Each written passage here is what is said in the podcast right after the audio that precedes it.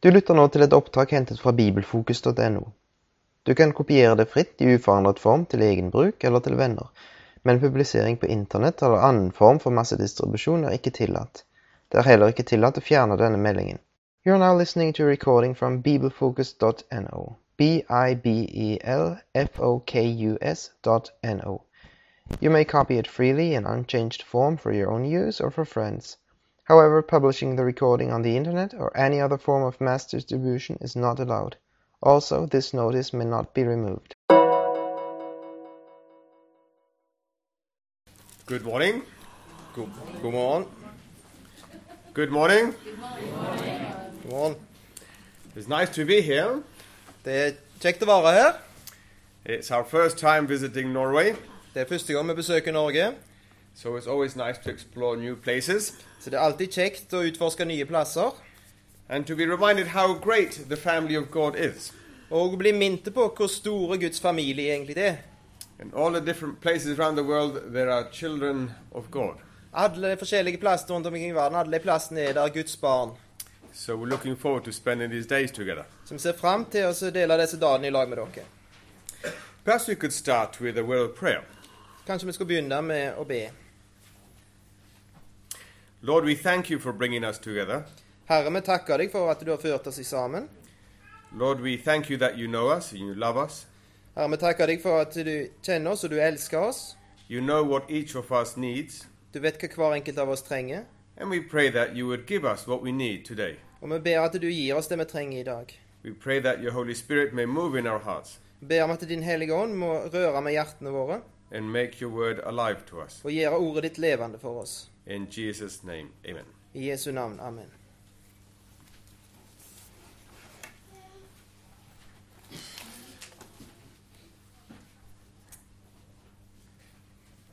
Every church has a background.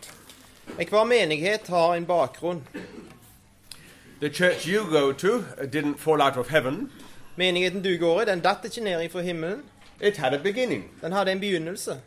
And the beginning of a church tends to affect the future of a church. Og begynnelsen til en menighet har en tendens til å påvirke framtida til den menigheten. Uh, in Colombia, where we've lived for, uh, I've lived for about 25 years, I Colombia, der jeg har bodd i f- 25 år ca., we, live, uh, we worked with a network of about 20 uh, churches. så arbeider vi i lag med et nettverk på rundt 20 menigheter. And it was interesting to see the differences between the different churches, Og det var interessant å se forskjellen mellom de forskjellige menighetene. depending on what missionary worked in that area. Avhengig av hva misjonær som arbeider i det området. Yes, some missionaries are definitely alcohol is no uh, absolute not. Noen misjonærer de, de sier at alkohol er fullstendig totalt forbudt. In other areas, missionaries say, well, Christmas, we don't celebrate Christmas. Andre områder der sier misjonærene at eh, jul, vi feirer ikke jul. In other areas, they say "Oh, Christmas is a fantastic evangelistic opportunity. Andre områder sier de at jul er en fantastisk eh, anledning til å evangelisere. Some very happy with the piano, some not. Noen er voldsomt glad i piano, andre ikke i det hele tatt. Or guitars in Colombia. Eller gitarer i Colombia. So the beginning of a church puts a direction to it. Så hvordan en menighet starter, gir han også en retning. Our idea this week is to give em- uh, attention to the book of the letter to Ephesus. Tanken denne uka er å vie oppmerksomheten vår til, til Efeserbrevet. So it's very good to get some background to the city of Ephesus. Så da er det bra å få litt bakgrunnsinformasjon om denne byen Efesus. Has anybody visited the city of Ephesus? Er det noen som har vært i Efesus? Fantastic. I haven't, Jeg har ikke. only Googled, Jeg har bare googla den. but perhaps someday. Men kanskje en dag. Now, I understand Ephesus is an important city in what is today Turkey, Jeg forstår det sånn at eh, Efesus er en viktig by i det som nå er Tyrkia, near the coast, nær kysten. um, a Gentile town. Det er en hedenske by, So you'll notice reference to Gentiles in the letter of Galatians, uh, Ephesians. så du vil finne referanser til hedninger i Efeserbrevet. There's a big, or there was a very big temple there to um, Artemis. Det var et var som stort tempel der for Artemis. Artemis was a Greek god, Det var en gresk gud. and she it was called Diana in the Roman uh, way of speaking. Det ble kalt Diana i den romersk, på romerske delen. So it's quite a religious town. Så det var en ganske religiøs by. And temples used to be the places where they would collect lots of wealth. Og templer det var plasser der de pleide å samle mye velstand. a safe place to look after things. Det var en trygge plass å, å ta vare på ting.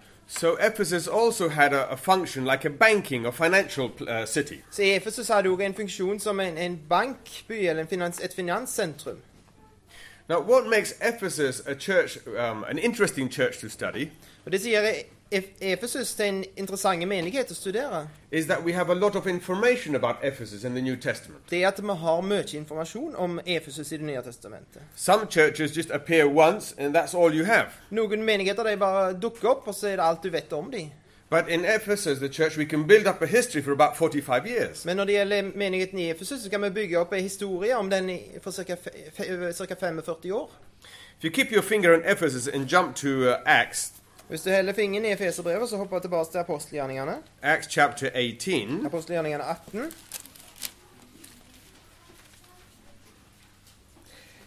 um, verse 19, 20 and 21. Perhaps we could read those verses. Ja, if vers they- 19 til 21. Acts 18, verse 19, 20 and 21. Apostelgjerningen 18, vers 19, 20 og 21. Så kom de til Efesus. Der lot Paulus de andre bli igjen, men selv gikk han inn i synagogen og gav seg i samtale med jødene. Da de ba ham bli der lenger, samtykte han ikke, men tok avskjed med dem og sa, om Gud vil, skal jeg komme tilbake til dere. Så seilte han fra Efesus. So here's the first time we come across Ephesus. Så dette er første gangen vi finner Efesus. Paul's on his second missionary journey, Paulus er på sin andre misjonsreise. and Paul uh, he has a strategy. He goes to the synagogue Han har en strategi. Han går til synagogen, and he tries to evangelize Jews. og så prøver han å evangelisere jøder. People are very happy with his teaching Og folk blir voldsomt glad for å høre det han sier. and said, "Can you stay with us?" Og sier 'Kan du bare bli værende en stund til?' And he said, "Well, I'm too busy now. Uh, later, I need to carry on. I'll come back." Så sier han at 'Jeg, jeg har det for travelt nå, jeg må videre, men jeg, jeg kommer tilbake igjen'. About two years later, we come to chapter 19, Og ca. to år etterpå kommer han til kapittel 19, A.D. 53. i år 53 etter Here Kristus. is Paul on his third missionary journey, Her er Paulus på sin tredje misjonsreise. and we haven't got time to read the chapter. But if you were to read it, you see he stays two years in Ephesus. Og Vi har ikke tid å lese hele kapittelet, men hvis vi hadde gjort det, hadde, du- hadde vi sett at han, han eh, ble i to år i Efesus. Now, when Paul arrives, he meets some disciples of John the Baptist. Og Når Paulus kommer der, så møter han noen disipler av Johannes døperen. They say, "Whoa, we like uh, the message. We we're baptized, Og så sier de «Vi- vi liker budskapet ditt, vi er døpte, but we haven't heard anything about the Holy Spirit." men vi har aldri hørt noe om Den hellige ånd. So Paul explains about the Holy Spirit. Og så forklarer Paulus de om Den hellige ånd. Um, Paul starts teaching in the synagogue, Paulus begynner å, å undervise i synagogen, and after a while, the Jews become uncomfortable with his teaching. og etter en stund så blir jødene litt eh, ubekvemme med, med undervisningen hans. If you look at verse 8, for example, Hvis du ser f.eks. i vers 8, um, chapter 19, verse 8, perhaps we could read that. kapittel 19, vers 8 Han gikk så inn i synagogen og talte frimodig i tre måneder. Han førte samtaler med dem og overbeviste dem om det som hører Guds rik- rike til. So again, he started with the Jews, Så igjen begynte han med jødene. but then he moved on, he moved out of the synagogue and started a Bible school. Men så flytta han ut av synagogen og begynte en bibelskole. And then he says, for two years, he was busy teaching and teaching. Og så i, i to år så underviste han hele daglig. Would it be fantastic to join that school for two years? Hadde ikke vært kjekt å være med på den skolen i to år. We were born too late. Men jeg fødte litt for seint. But fortunately, we have a lot of writings that will help us, but um, it must have been very interesting. Heldigvis har vi en god del skriftlig som kan hjelpe oss, men det må ha vært voldsomt interessant. And then verse 10, we notice that he was teaching, verse 10, two years for, to Jews and Greeks. Og hvis vi leser vers 10, så ser vi at han underviste i to år til både jøder og grekere. Now, this idea of Jews and Gentiles, Jews and Greeks, comes is an important feature of Ephesus. Og denne her tanken med jøder og grekere, jøder og hedninger, er en, en vesentlig ting når det gjelder Efesus. It's a tension that we find back also in the letter of uh, Ephesus. For det er en, en spenning som du finner igjen òg i Efeserbrevet. Sometimes churches have a bit of a, a kind of a, a two groups, two families, two types of people. I, av og til så er det sånn i menigheter at det er på to grupper, to, to familier, to sorter mennesker. In some place in America, you have kind of the black, the, the whites and the blacks in the same church. I eh, noen plasser i Amerika så har du de svarte og de hvite i samme menigheten. In most churches, you tend to get the, the more med- meditational and the more activists. Og an, andre menigheter så, så får du, finner du de, de som liker mest å, å tenke etter, meditere, og de som er Oh, aktivister. no, no, we need to worship, we need to worship. Noen sier vi må tilbe, vi må tilbe, vi må tilbe. And others, no, no, we need to evangelize, we need to shine, we need to do good works. Og der sier de nei, vi må evangelisere, vi må gjøre god gjerning, vi må lyse. Now, every church has its tensions, Ja, eh, Hver menighet har sine spenninger. på and den you måten. find also in Ephesus a kind of tension which Paul addresses. Og du finner også i Efesus en, en sånn spenning som Paulus tar tak i. It's interesting that it's after Paul gets kicked out of the synagogue that he starts the Bible school. Og det er interessant at når, det er når Paulus blir hevet ut av synagogen at han starter denne bibelskolen. It must have been quite painful for Paul to be kicked out of a synagogue. Det må ha gjort vondt for Paulus å bli sparka ut av synagogen. Now, he's a Pharisee, Han var en fariseer. he's got a religious title. Han hadde en, en religiøs tittel. He's supposed to be respected in synagogues, Det var meningen at han skulle bli respektert i synagoger. and he's doing his best. Og han gjør sitt beste. And they ask him, no, no, no, no, get out, we don't want you anymore Og here. så så sier de nei, kom deg ut, vi vil ikke ha deg her mer. Sometimes God uses difficult situations to begin something new. Av og til så bruker Gud vanskelige situasjoner for å begynne noe nytt. In fact, our God is an expert in turning bad things into new opportunities. Og faktisk er vår Gud en ekspert i å gjøre vonde ting til en ny anledning, ny mulighet. If you we happen to be going through a difficult time at the moment, Hvis det er sånn at du går gjennom en vanskelig tid for øyeblikket, remember maybe God is beginning something new. så husk på det at kanskje Gud begynner noe nytt. Through the difficulties, the breaking or something, it gives the chance of something new to be formed. Gjennom vanskelighetene, gjennom at noe blir ødelagt, så gir han en mulighet for at noe nytt kan bli dannet. In the same during these two years, we, we read in verse 14 of the seven sons of Siva. I vers 14 i løpet av disse to år så leser vi om de sju sønnene av Skevas. They tried to uh, to exercise to take demons out of a person, and it didn't go too well. De prøvde å drive demoner ut av en, en mann, og det gikk ikke spesielt bra. They tried to copy Paul, De prøvde å, å etterape Paulus, kopiere Paulus. so Paul was doing it. Så Paulus gjorde det. Uh, the address of the demonic world comes tr- back in the book of Ephesians. Og det med den demoniske verden og åndeverden, det finner du igjen i Efeserbrevet. In the last chapter of Ephesians, there's half a chapter devoted to our spiritual warfare. I det, I det siste kapittelet i Efeserbrevet er det et halvt kapittel som handler om åndelig krigføring. And I hope on Saturday to spend one talk on that issue of spiritual warfare. Og jeg håper å bruke et, en time på lørdag om det emnet. Well, what is obvious from this passage here is that there is power in the name of Jesus, Men det som er helt innlysende ut ifra dette avsnittet, er at det er makt i Jesu navn. and that those who were free burnt all their things. Uh, these uh, later on here, these um, uh, these books and papers, they burnt them to show their distance. Og at de som ble, de ble befridde, de brente disse bøkene, trolldomsbøkene sine og alt det andre, for å vise at de, de tok avstand ifra det. All these things to do with sorcery, the scrolls were all burnt. Alt det, det trolldomsgreiene det ble brent. So there's power in the name of Jesus, and there's a radical change. Så det er makt i Jesu navn, og så er det en radikal forandring. I don't know how the demonic world expresses itself in Den- uh, here in Norway. Jeg vet ikke hvordan den åndelige verden uttrykker seg her i Norge. Before I come to Saturday, I would like to hear a little bit about that. Før vi kommer til lørdag, så håper jeg jeg får høre litt om det. But it does require a definite turning away from that world. Men det er klart at en må vende seg vekk ifra den verden. You cannot play with light and darkness. Du kan ikke leke med lys og mørke. Then, uh, a few, uh, two years later, we find uh, a reference to Ephesus in the letter of Timothy. Og så To år senere finner vi en eh, referanse i Timoteus-brevet til Efesus. We notice that Paul left Timothy behind to organize some bad doctrines i- i- in Ephesus. Men legg merke til at Paulus lot Timoteus være igjen for å ta seg av en del vranglærer som var i Efesus. There were big discussions about genealogies and myths, and Paul said, you know, Timothy, help sort that out. Det var store diskusjoner om ettertavler og myter, og Paulus sa til Timoteus prøver å rydde opp i dette. her. One thing I like about the Apostle Paul is that he was very happy to work in teams. En ting jeg liker med apostelen Paulus, er at han var voldsomt glad i å jobbe i team. He was not possessive of his ministry. Han, holdt ikke, han, han, han tviholdt ikke på sin, sitt arbeid sjøl. It wasn't like, oh, I'm starting Ephesus, so this is my church. Hey, careful, careful, this is my piece. Han s- sa ikke at jeg jeg starta denne menigheten i Efesus. Dette er min menighet, det er min plass. For- Hold dere klar. Now, that can happen to us Christians. Det kan skje med oss kristne. This is your Sunday school group, this is my church, this is my um, magazine. Det er min søndagsskolegruppe, det er min menighet, det er mitt blad. But Paul seems to be happy to share ministry with uh, Aquila, um, Priscilla and Aquila. Men Paulus ser ut som han er, er glad for å dele arbeidet med, P- med Priska Akvilas. Apollos comes later, he's a very good speaker, no problem, you're welcome, help. Apollos kommer senere, han er en voldsomt god taler. og Ingen problem, var med, hjelp. And then comes Timothy, "Hey, please stay and help. We're happy to work as a team. Og så kommer Timoteus. Vær så snill og hjelp. Han er glad for å jobbe i team.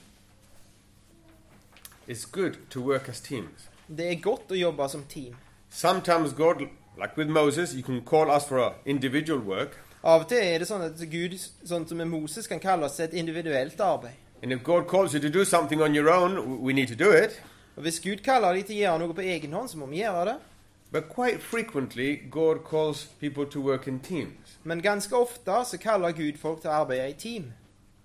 Now, I spent many, a lot of my life on the mission field, Jeg har tilbrakt mye av livet mitt på misjonsmarkedet. and someone has said that all missionaries are eccentrics. Og alle, s- noen har sagt at alle misjonærer er eksentriske. They must have something strange to leave their home and go away and do something. Det må være noe merkelig med dem når de forlater heimen sin og, og reiser vekk for å gjøre noe. And in a way, yes, Og på en måte, ja. missionaries tend to be driven people, Misjonærer har en tendens til å være folk som er drevne av noe. and that makes sometimes working together between driven people difficult. Og det gjør at det er vanskelig for drevne folk til drevne av noe å jobbe i sammen. But I've noticed the most effective missionaries are the ones who know how to work in a team. Men jeg har lagt merke til at de som er mest effektive misjonærer, det er de som har lært å jobbe i team. Team with other missionaries, I et team med andre misjonærer. but more so team with locals, Men mye mer team i lag med de lokale. to work shoulder to shoulder with locals so the work continues after they've left. Og arbeide skulder med skulder med de lokale, sånn at arbeidet fors- fortsetter når de, fors- når de reiser. Are you a good team member, Er du et godt teammedlem, or do you have to be the boss in order to function well? eller må du være sjefen for å fungere godt? Now, Paul was happy to share, may we also. Paulus han var glad for å dele arbeidet, må vi jo gjøre- måtte vi òg gjøre det. About a year later, Paul is coming back on his third missionary journey, Omtrent et år etterpå så kommer Paulus tilbake på sin tredje misjonsreise. and then we come to chapter 20 of Acts. Og da kommer vi til kapittel 20 i apostelgjerningene. He's coming back and he passed nearby Ephesus, Og så kommer han tilbake, så passerer han forbi i nærheten av Efesus. and so he calls the leadership of the church of Ephesus. Så tilkaller han seg lederskapet i menigheten i Efesus. Who did call, Paul call when he wanted to talk with the leadership?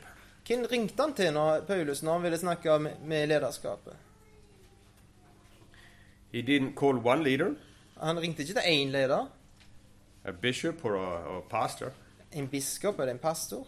He calls the leadership, a group of men. Han kaller, tilkaller seg lederne, ei gruppe med menn. He calls the elders and he wants to talk with them. Han tilkaller seg de eldste, og han vil snakke med dem.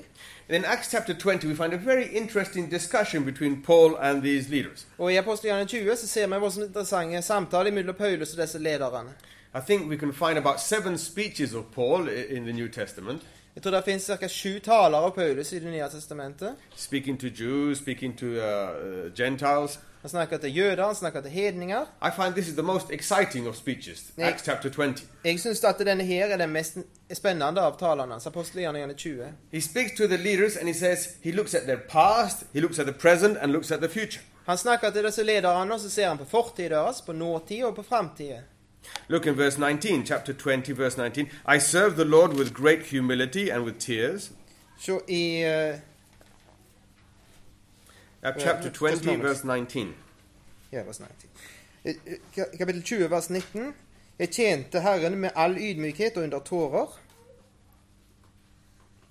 Verse 21 I declare to both Jews and Greeks that they must turn to God in, in repentance. Og I vers 21 jeg vitne både for jøder og greker om omvendelse til Gud. Notice again the reference. For, for, for Ephesus, it's important to mention Jews and Greeks both had to repent. Legg merke til at i Efesus er det viktig å si både jøder og greker, både, begge to måtte, måtte omvende seg.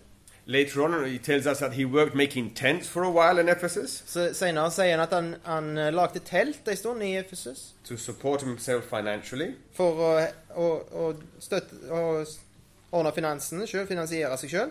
And then before leaving, Paul, on, on, on the beach, Paul looks at the future. Og før han forlater de, s- der på stranda, så ser han mot framtiden. Look what he says in verse 29. Så kan han si i vers 29 Jeg vet etter at min bortgang skal det komme glupende ulver inn blant dere som ikke skåner jorden. Verse 30. Og vers 30 Ja, blant dere selv skal det fremstå menn som fører falsk tale for å lokke disiplene etter seg. Paul is very realistic. Paulus er voldsomt realistisk. He says, after I know there's going to be problems from outside, there'll be attacks from outside in this church. Jeg vet, sier han, at det kommer til å bli problemer, det kommer til å bli angrep fra utsida i denne menigheten. Even from inside the church, you know, there'll be some problems and there's some leadership issues. Og til og med fra innsida av menigheten kommer det til å bli problemer, det kommer til å bli i lederskapet blant annet. And then the key verse, tw- 28, I find so fantastic. Og så kommer nøkkelverset som jeg syns er så fantastisk, i vers 28.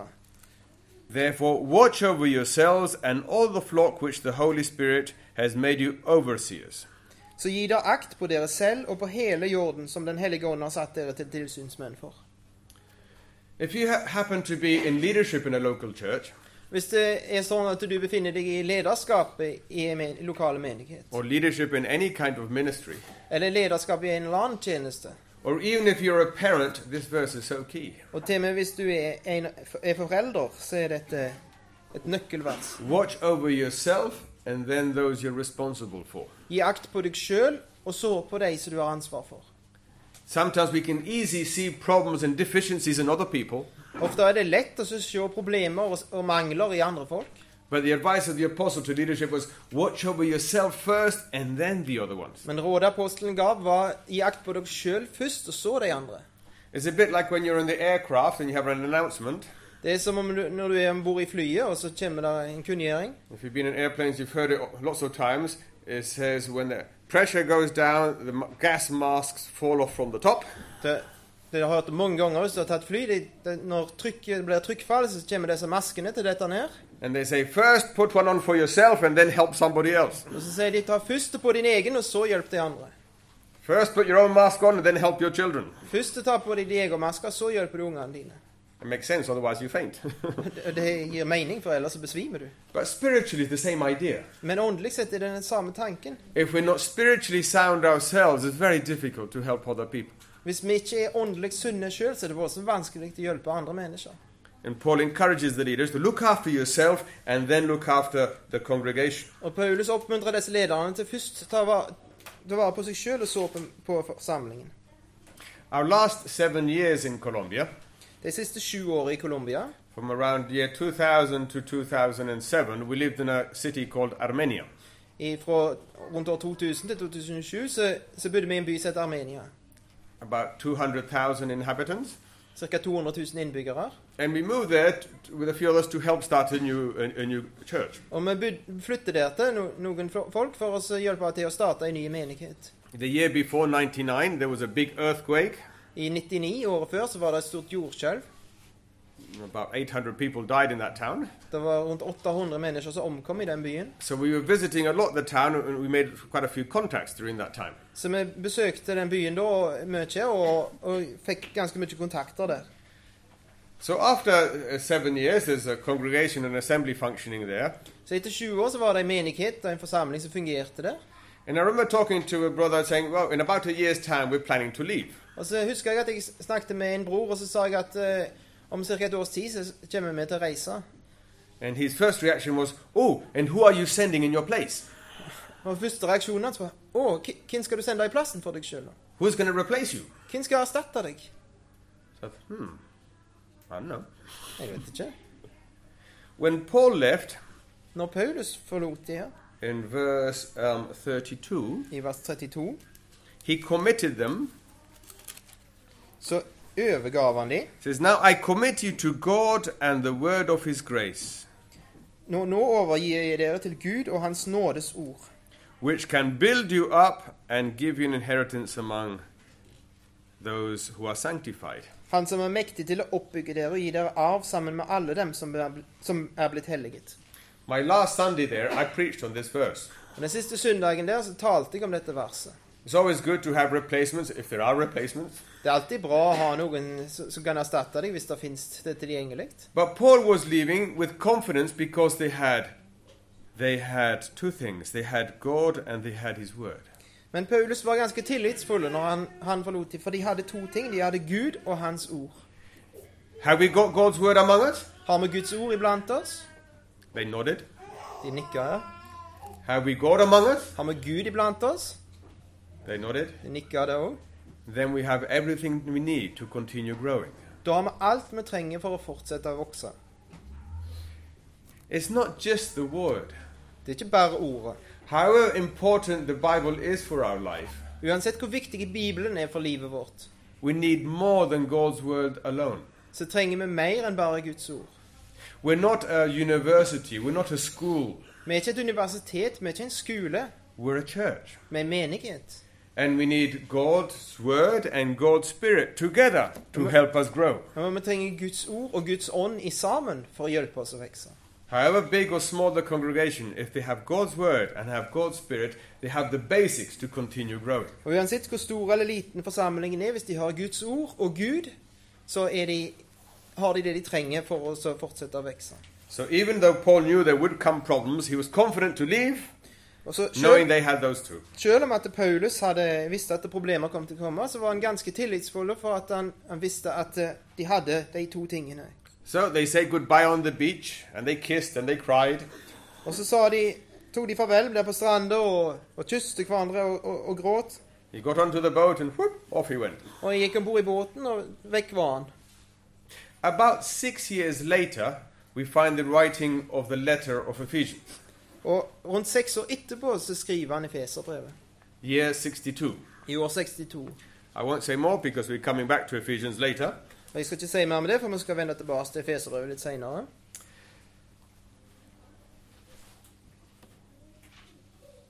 But Ephesians was a church blessed with two letters. Men efes efeserne var en menighet som var velsigna med to brev. Can you think of someone else who wrote to the Ephesians? Hu- Kommer du på noen andre som skrev til efeserne? John. Johannes. Yeah. A- About five years after uh, the letter of Ephesians, Rundt fem år etter Feserbrevet ble skrevet, we find Paul writing his last letter. så finner vi at Paulus skriver sitt siste brev. He's in prison and he's writing to Timothy, the second letter of Timothy. Og han er i fengsel og skriver brev til Timoteus, det andre Timoteus' brev. He knows his end is coming nearby. He, he can see the end of life kind of getting close. Han ser at, eh, at livet hans er snart slutt, And then he says a few sad words. og så sier han et par triste ord. He said he came to judgment and no one was there to defend him. Han sier at han kom til dom, og det var ingen der for å forsvare han. He said, Everyone from the province of Asia has forsaken me. Han sier at alle i Asia har forlatt meg. That's 1 Timothy 2.15. Uh, Ephesus is an important city in Asia. Efesus er en viktig by i Asia. So even though Paul had spent a lot of his energy and time in the church in Ephesus, when it came to this last time in Rome, no one from Ephesus was there. Altså selv om Paulus hadde brukt mye tid i Efesus, så, så var det ingen der som ville forsvare han når det, når det kom til dette punktet i livet hans. And I just mention this is because when you invest time in people, Jeg nevner bare dette, for hvis du investerer, når du investerer tid i mennesker, it's a very happy but an, an very uh, unstable investment. så er det en voldsomt lykkelig, men en ustabil investering. While I worked in Colombia, I helped build two chapels I, når jeg, mens jeg arbeidet i Colombia, så hjalp jeg å bygge to menighetslokaler. with concrete and bricks and roofs and water, electricity. Med betong og murstein og, og, og vann og elektrisitet. Now, I'm not a civil engineer, Jeg er ikke sivilingeniør, I'm a mathematician, jeg er matematiker. but uh, it's fun. It's like big Lego. Men det er kjekt, det, det er som et stort legosett. And um, what's nice is that 20 years later, those bricks are still there. Det er så kjekt at 20 år etterpå så er det de der mursteinene fremdeles der. Those concrete columns are still exactly where we put them, you know, 20 years ago. Disse betongsøylene de er nøyaktig samme plassen som vi plasserte de for 20 år siden. But people come and go. Men folk kommer og går. We are very unstable. Vi er voldsomt ustabile. Um, if we're expecting to get the thank yous from people all the time, we'll be very disappointed. Hvis vi forventer å få takk fra folk hele tida, så kommer vi til å bli voldsomt skuffa. Sometimes you will get a big bunch of flowers and chocolates, and sometimes you'll be ignored. Av og til så får du en, en stor eh, bu- bukett med blomster og sjokolade, og andre ganger så blir du bare ignorert. We, when we work with people, we need to know that we're serving the Lord to keep ourselves in tune. Når, og når vi, når vi arbeider med folk, så må vi huske at vi tjener Herren for oss, for oss Helle oss på rette sporet. Yet Paul, he had invested all these years and effort in Ephesus and Asia Minor, but when he, in a critical moment, no one was there. Paulus hadde investert all denne tida og energien i, i Efesus og i Lille Asia, men på dette kritiske tidspunktet så var det ingen der. Sjå han. But he said, But the Lord was by my side. Men Herren var med i sida, sier han. And this can also happen to you. Og det kan òg skje med deg. It can happen to me. Og det kan skje med meg. And therefore, it's good to have our heart properly focused. Og Derfor så er det godt å ha hjertet skikkelig rett fokusert. The thing is that we're called to work with people. For saken er den at vi er kalt til å arbeide med folk. Even non Christians can build nice buildings and bricks and columns. You don't need to be a Christian for that. Til og med ikke-kristne kan bygge flotte bygninger med søyler og alt mulig. Du trenger ikke være kristen for det. But only we Christians are used to build up the important building. Men bare vi kristne blir brukt til å bygge opp den viktige bygningen. And sometimes we disappoint each other. Og av og til så skuffer vi hverandre. That's the way we humans are. Det er måten vi mennesker er på. Anyway, about 30 years later, Men uansett, ca. 30 år seinere, so up to now, from the beginning, the church has been running for about 15 years. så opp til nå så har menigheten bestått i ca. 15 år. Then we have uh, silence for 30 years, and then we get a short letter from John. Og så er det 30 års taushet, og så får vi et kort brev av, fra Johannes. The nice thing of those seven letters of John in, in Revelation is that like they're like little X-rays. Og det som er fint med de brevene som Johannes skriver i- i åpenbaringen, det er at de er som røntgenbilder. You know, people can look quite normal until they have an X-ray, Og folk kan se ganske normale ut helt til de tar et røntgenbilde. and then the X-ray shows they've got a spoon inside, or God knows, no, it shows they've got something. Og så viser røntgenbildet at de har ei skje på innsida, eller hva de må- enn måtte ha. Churches can look very normal until they have an X-ray, Og menigheter kan se ganske normale ut helt til de blir tatt røntgenbilder av dem. If you've had the experience of moving to a new town, you have to find a church. Hvis du har opplevd å flytte til en ny plass, så har du opplevd å måtte lete etter en ny menighet. So sometimes you have to visit two or three or four, saying, you know, which, which is the place where I should um, form part of. Og av og til så må du besøke 234 for å finne ut hvor du skal bli en, hva du skal bli en del av. And you would love to have one of these um, apostolic x ray machines. Og du kunne godt tenkt deg å ha hatt en av disse apostoliske røntgenapparatene. So we look at the singing, we look at the preaching, we look at the chairs, we look at the. Vi ser på, på, på syngingen, vi ser på forkynnelsen, vi ser på stolene.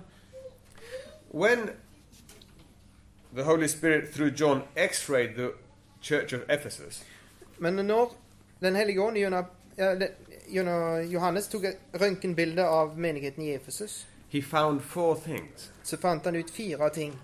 He found a hard working church. Han fant en hardt arbeidende menighet. Yes, they were active, helping in the community. De var aktive, de hjalp til i samfunnet rundt. Maybe they had counseling, meetings, and uh, structures. Kanskje de hadde rådgivningsmøter og strukturer rundt det. Secondly, the x ray machine showed that they were sound in doctrine. Og det andre røntgenapparatet viste, det var at de var sunne læremessig. Now, if you think, oh, that's easy, it's not easy.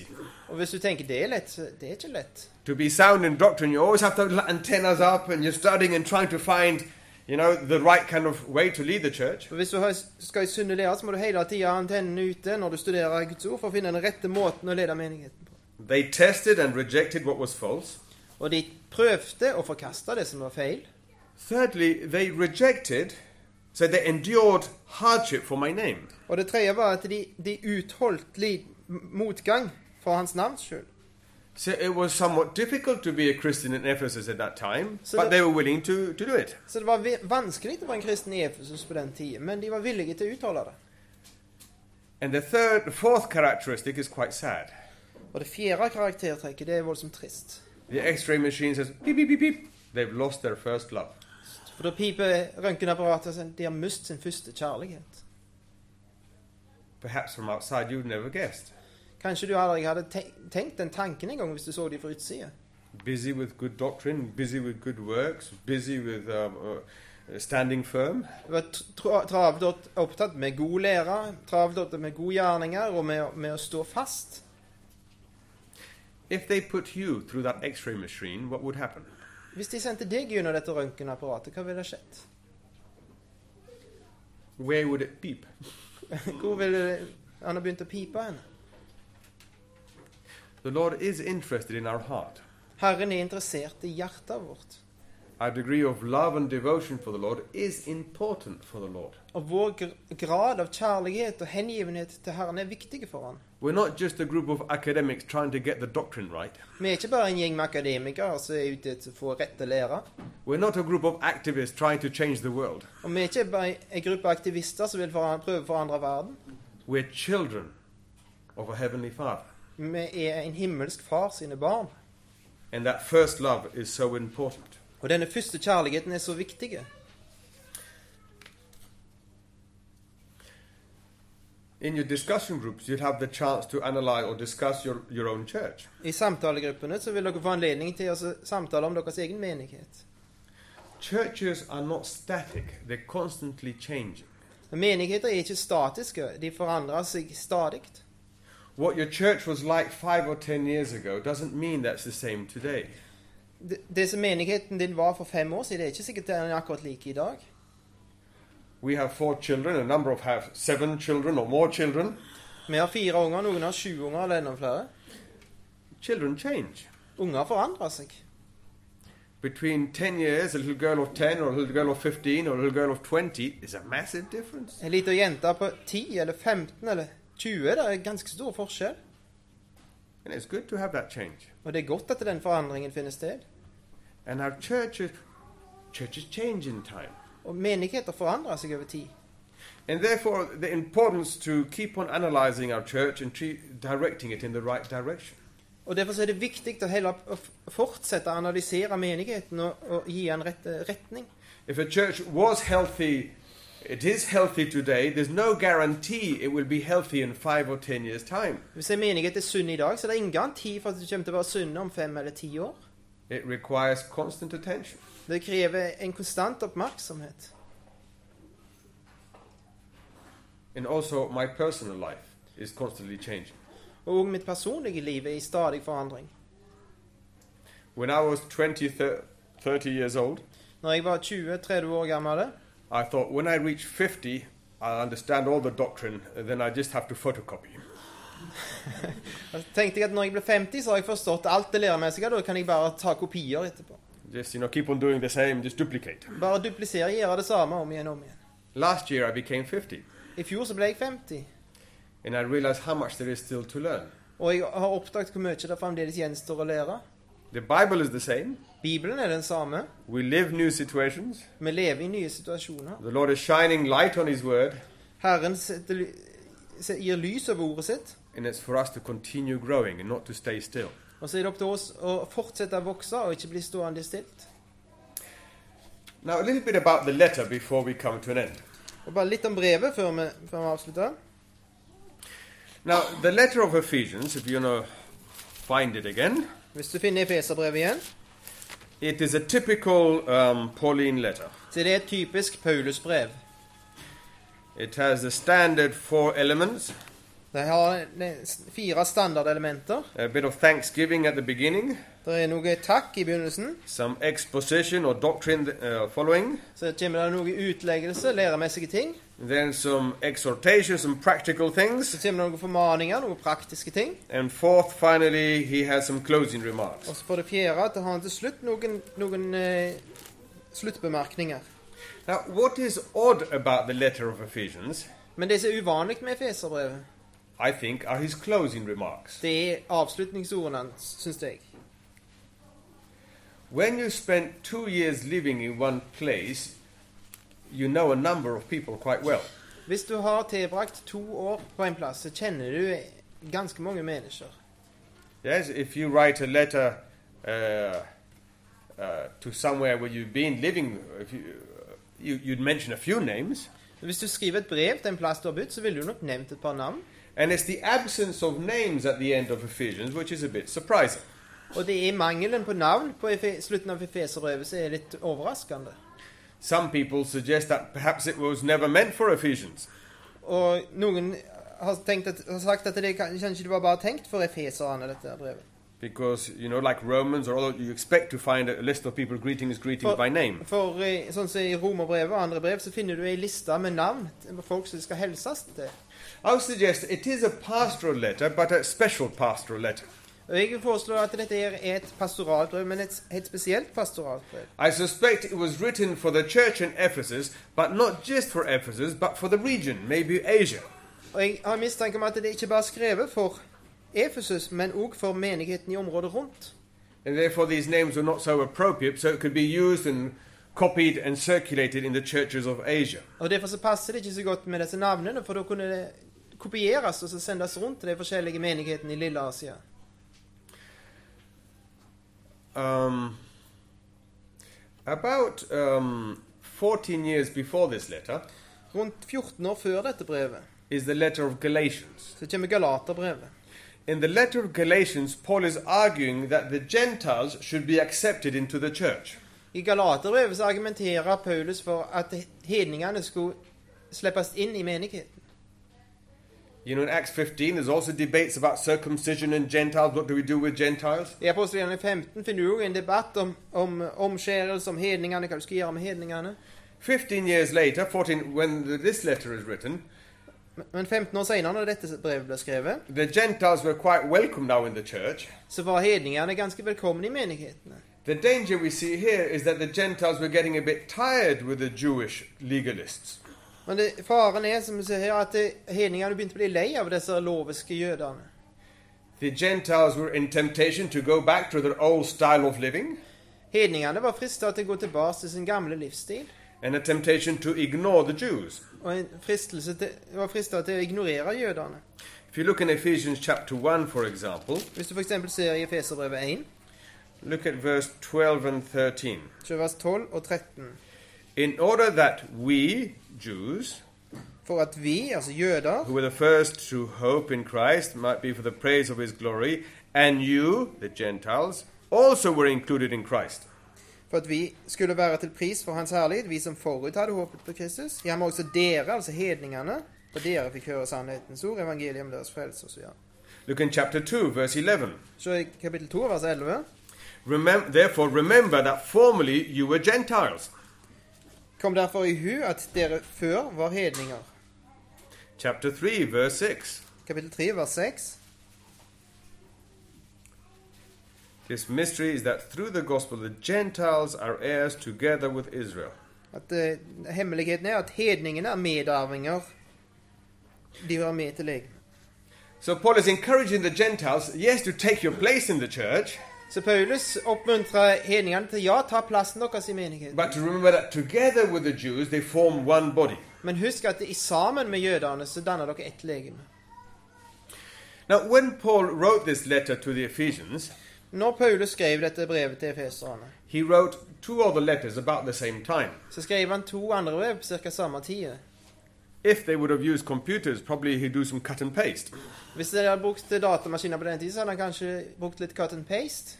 But there's Good no morning. computers, but we do find some similarities between, uh, between the book of Ephesians and Colossians. Men datamaskiner hadde de ikke, men du finner likevel en del sin- eh, s- eh, likheter mellom kolosserbrevet og efeserbrevet.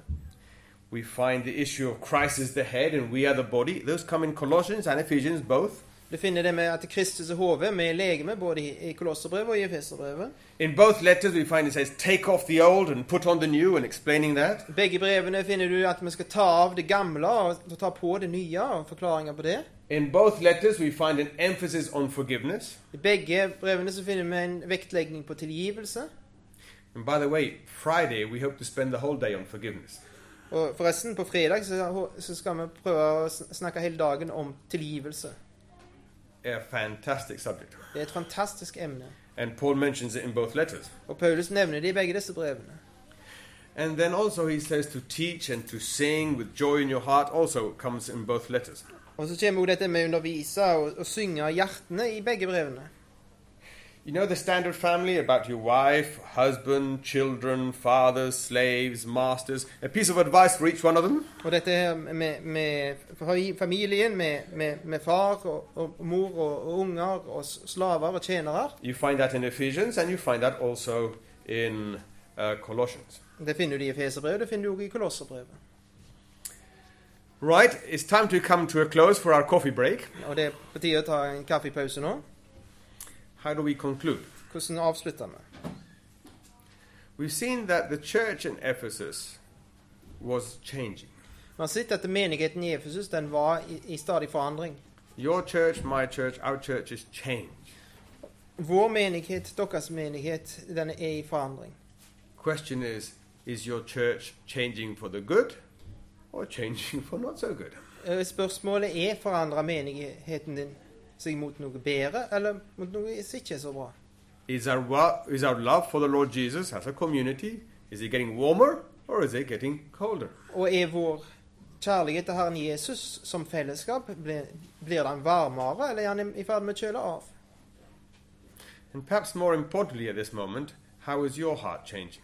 Og kanskje enda mer viktig på dette tidspunktet, hvordan er ditt hjerte i endring? Between husband and wife, though love can get warm or get cold, Mellom mann og kone, kjærligheten kan, kan være varm eller kan bli kald.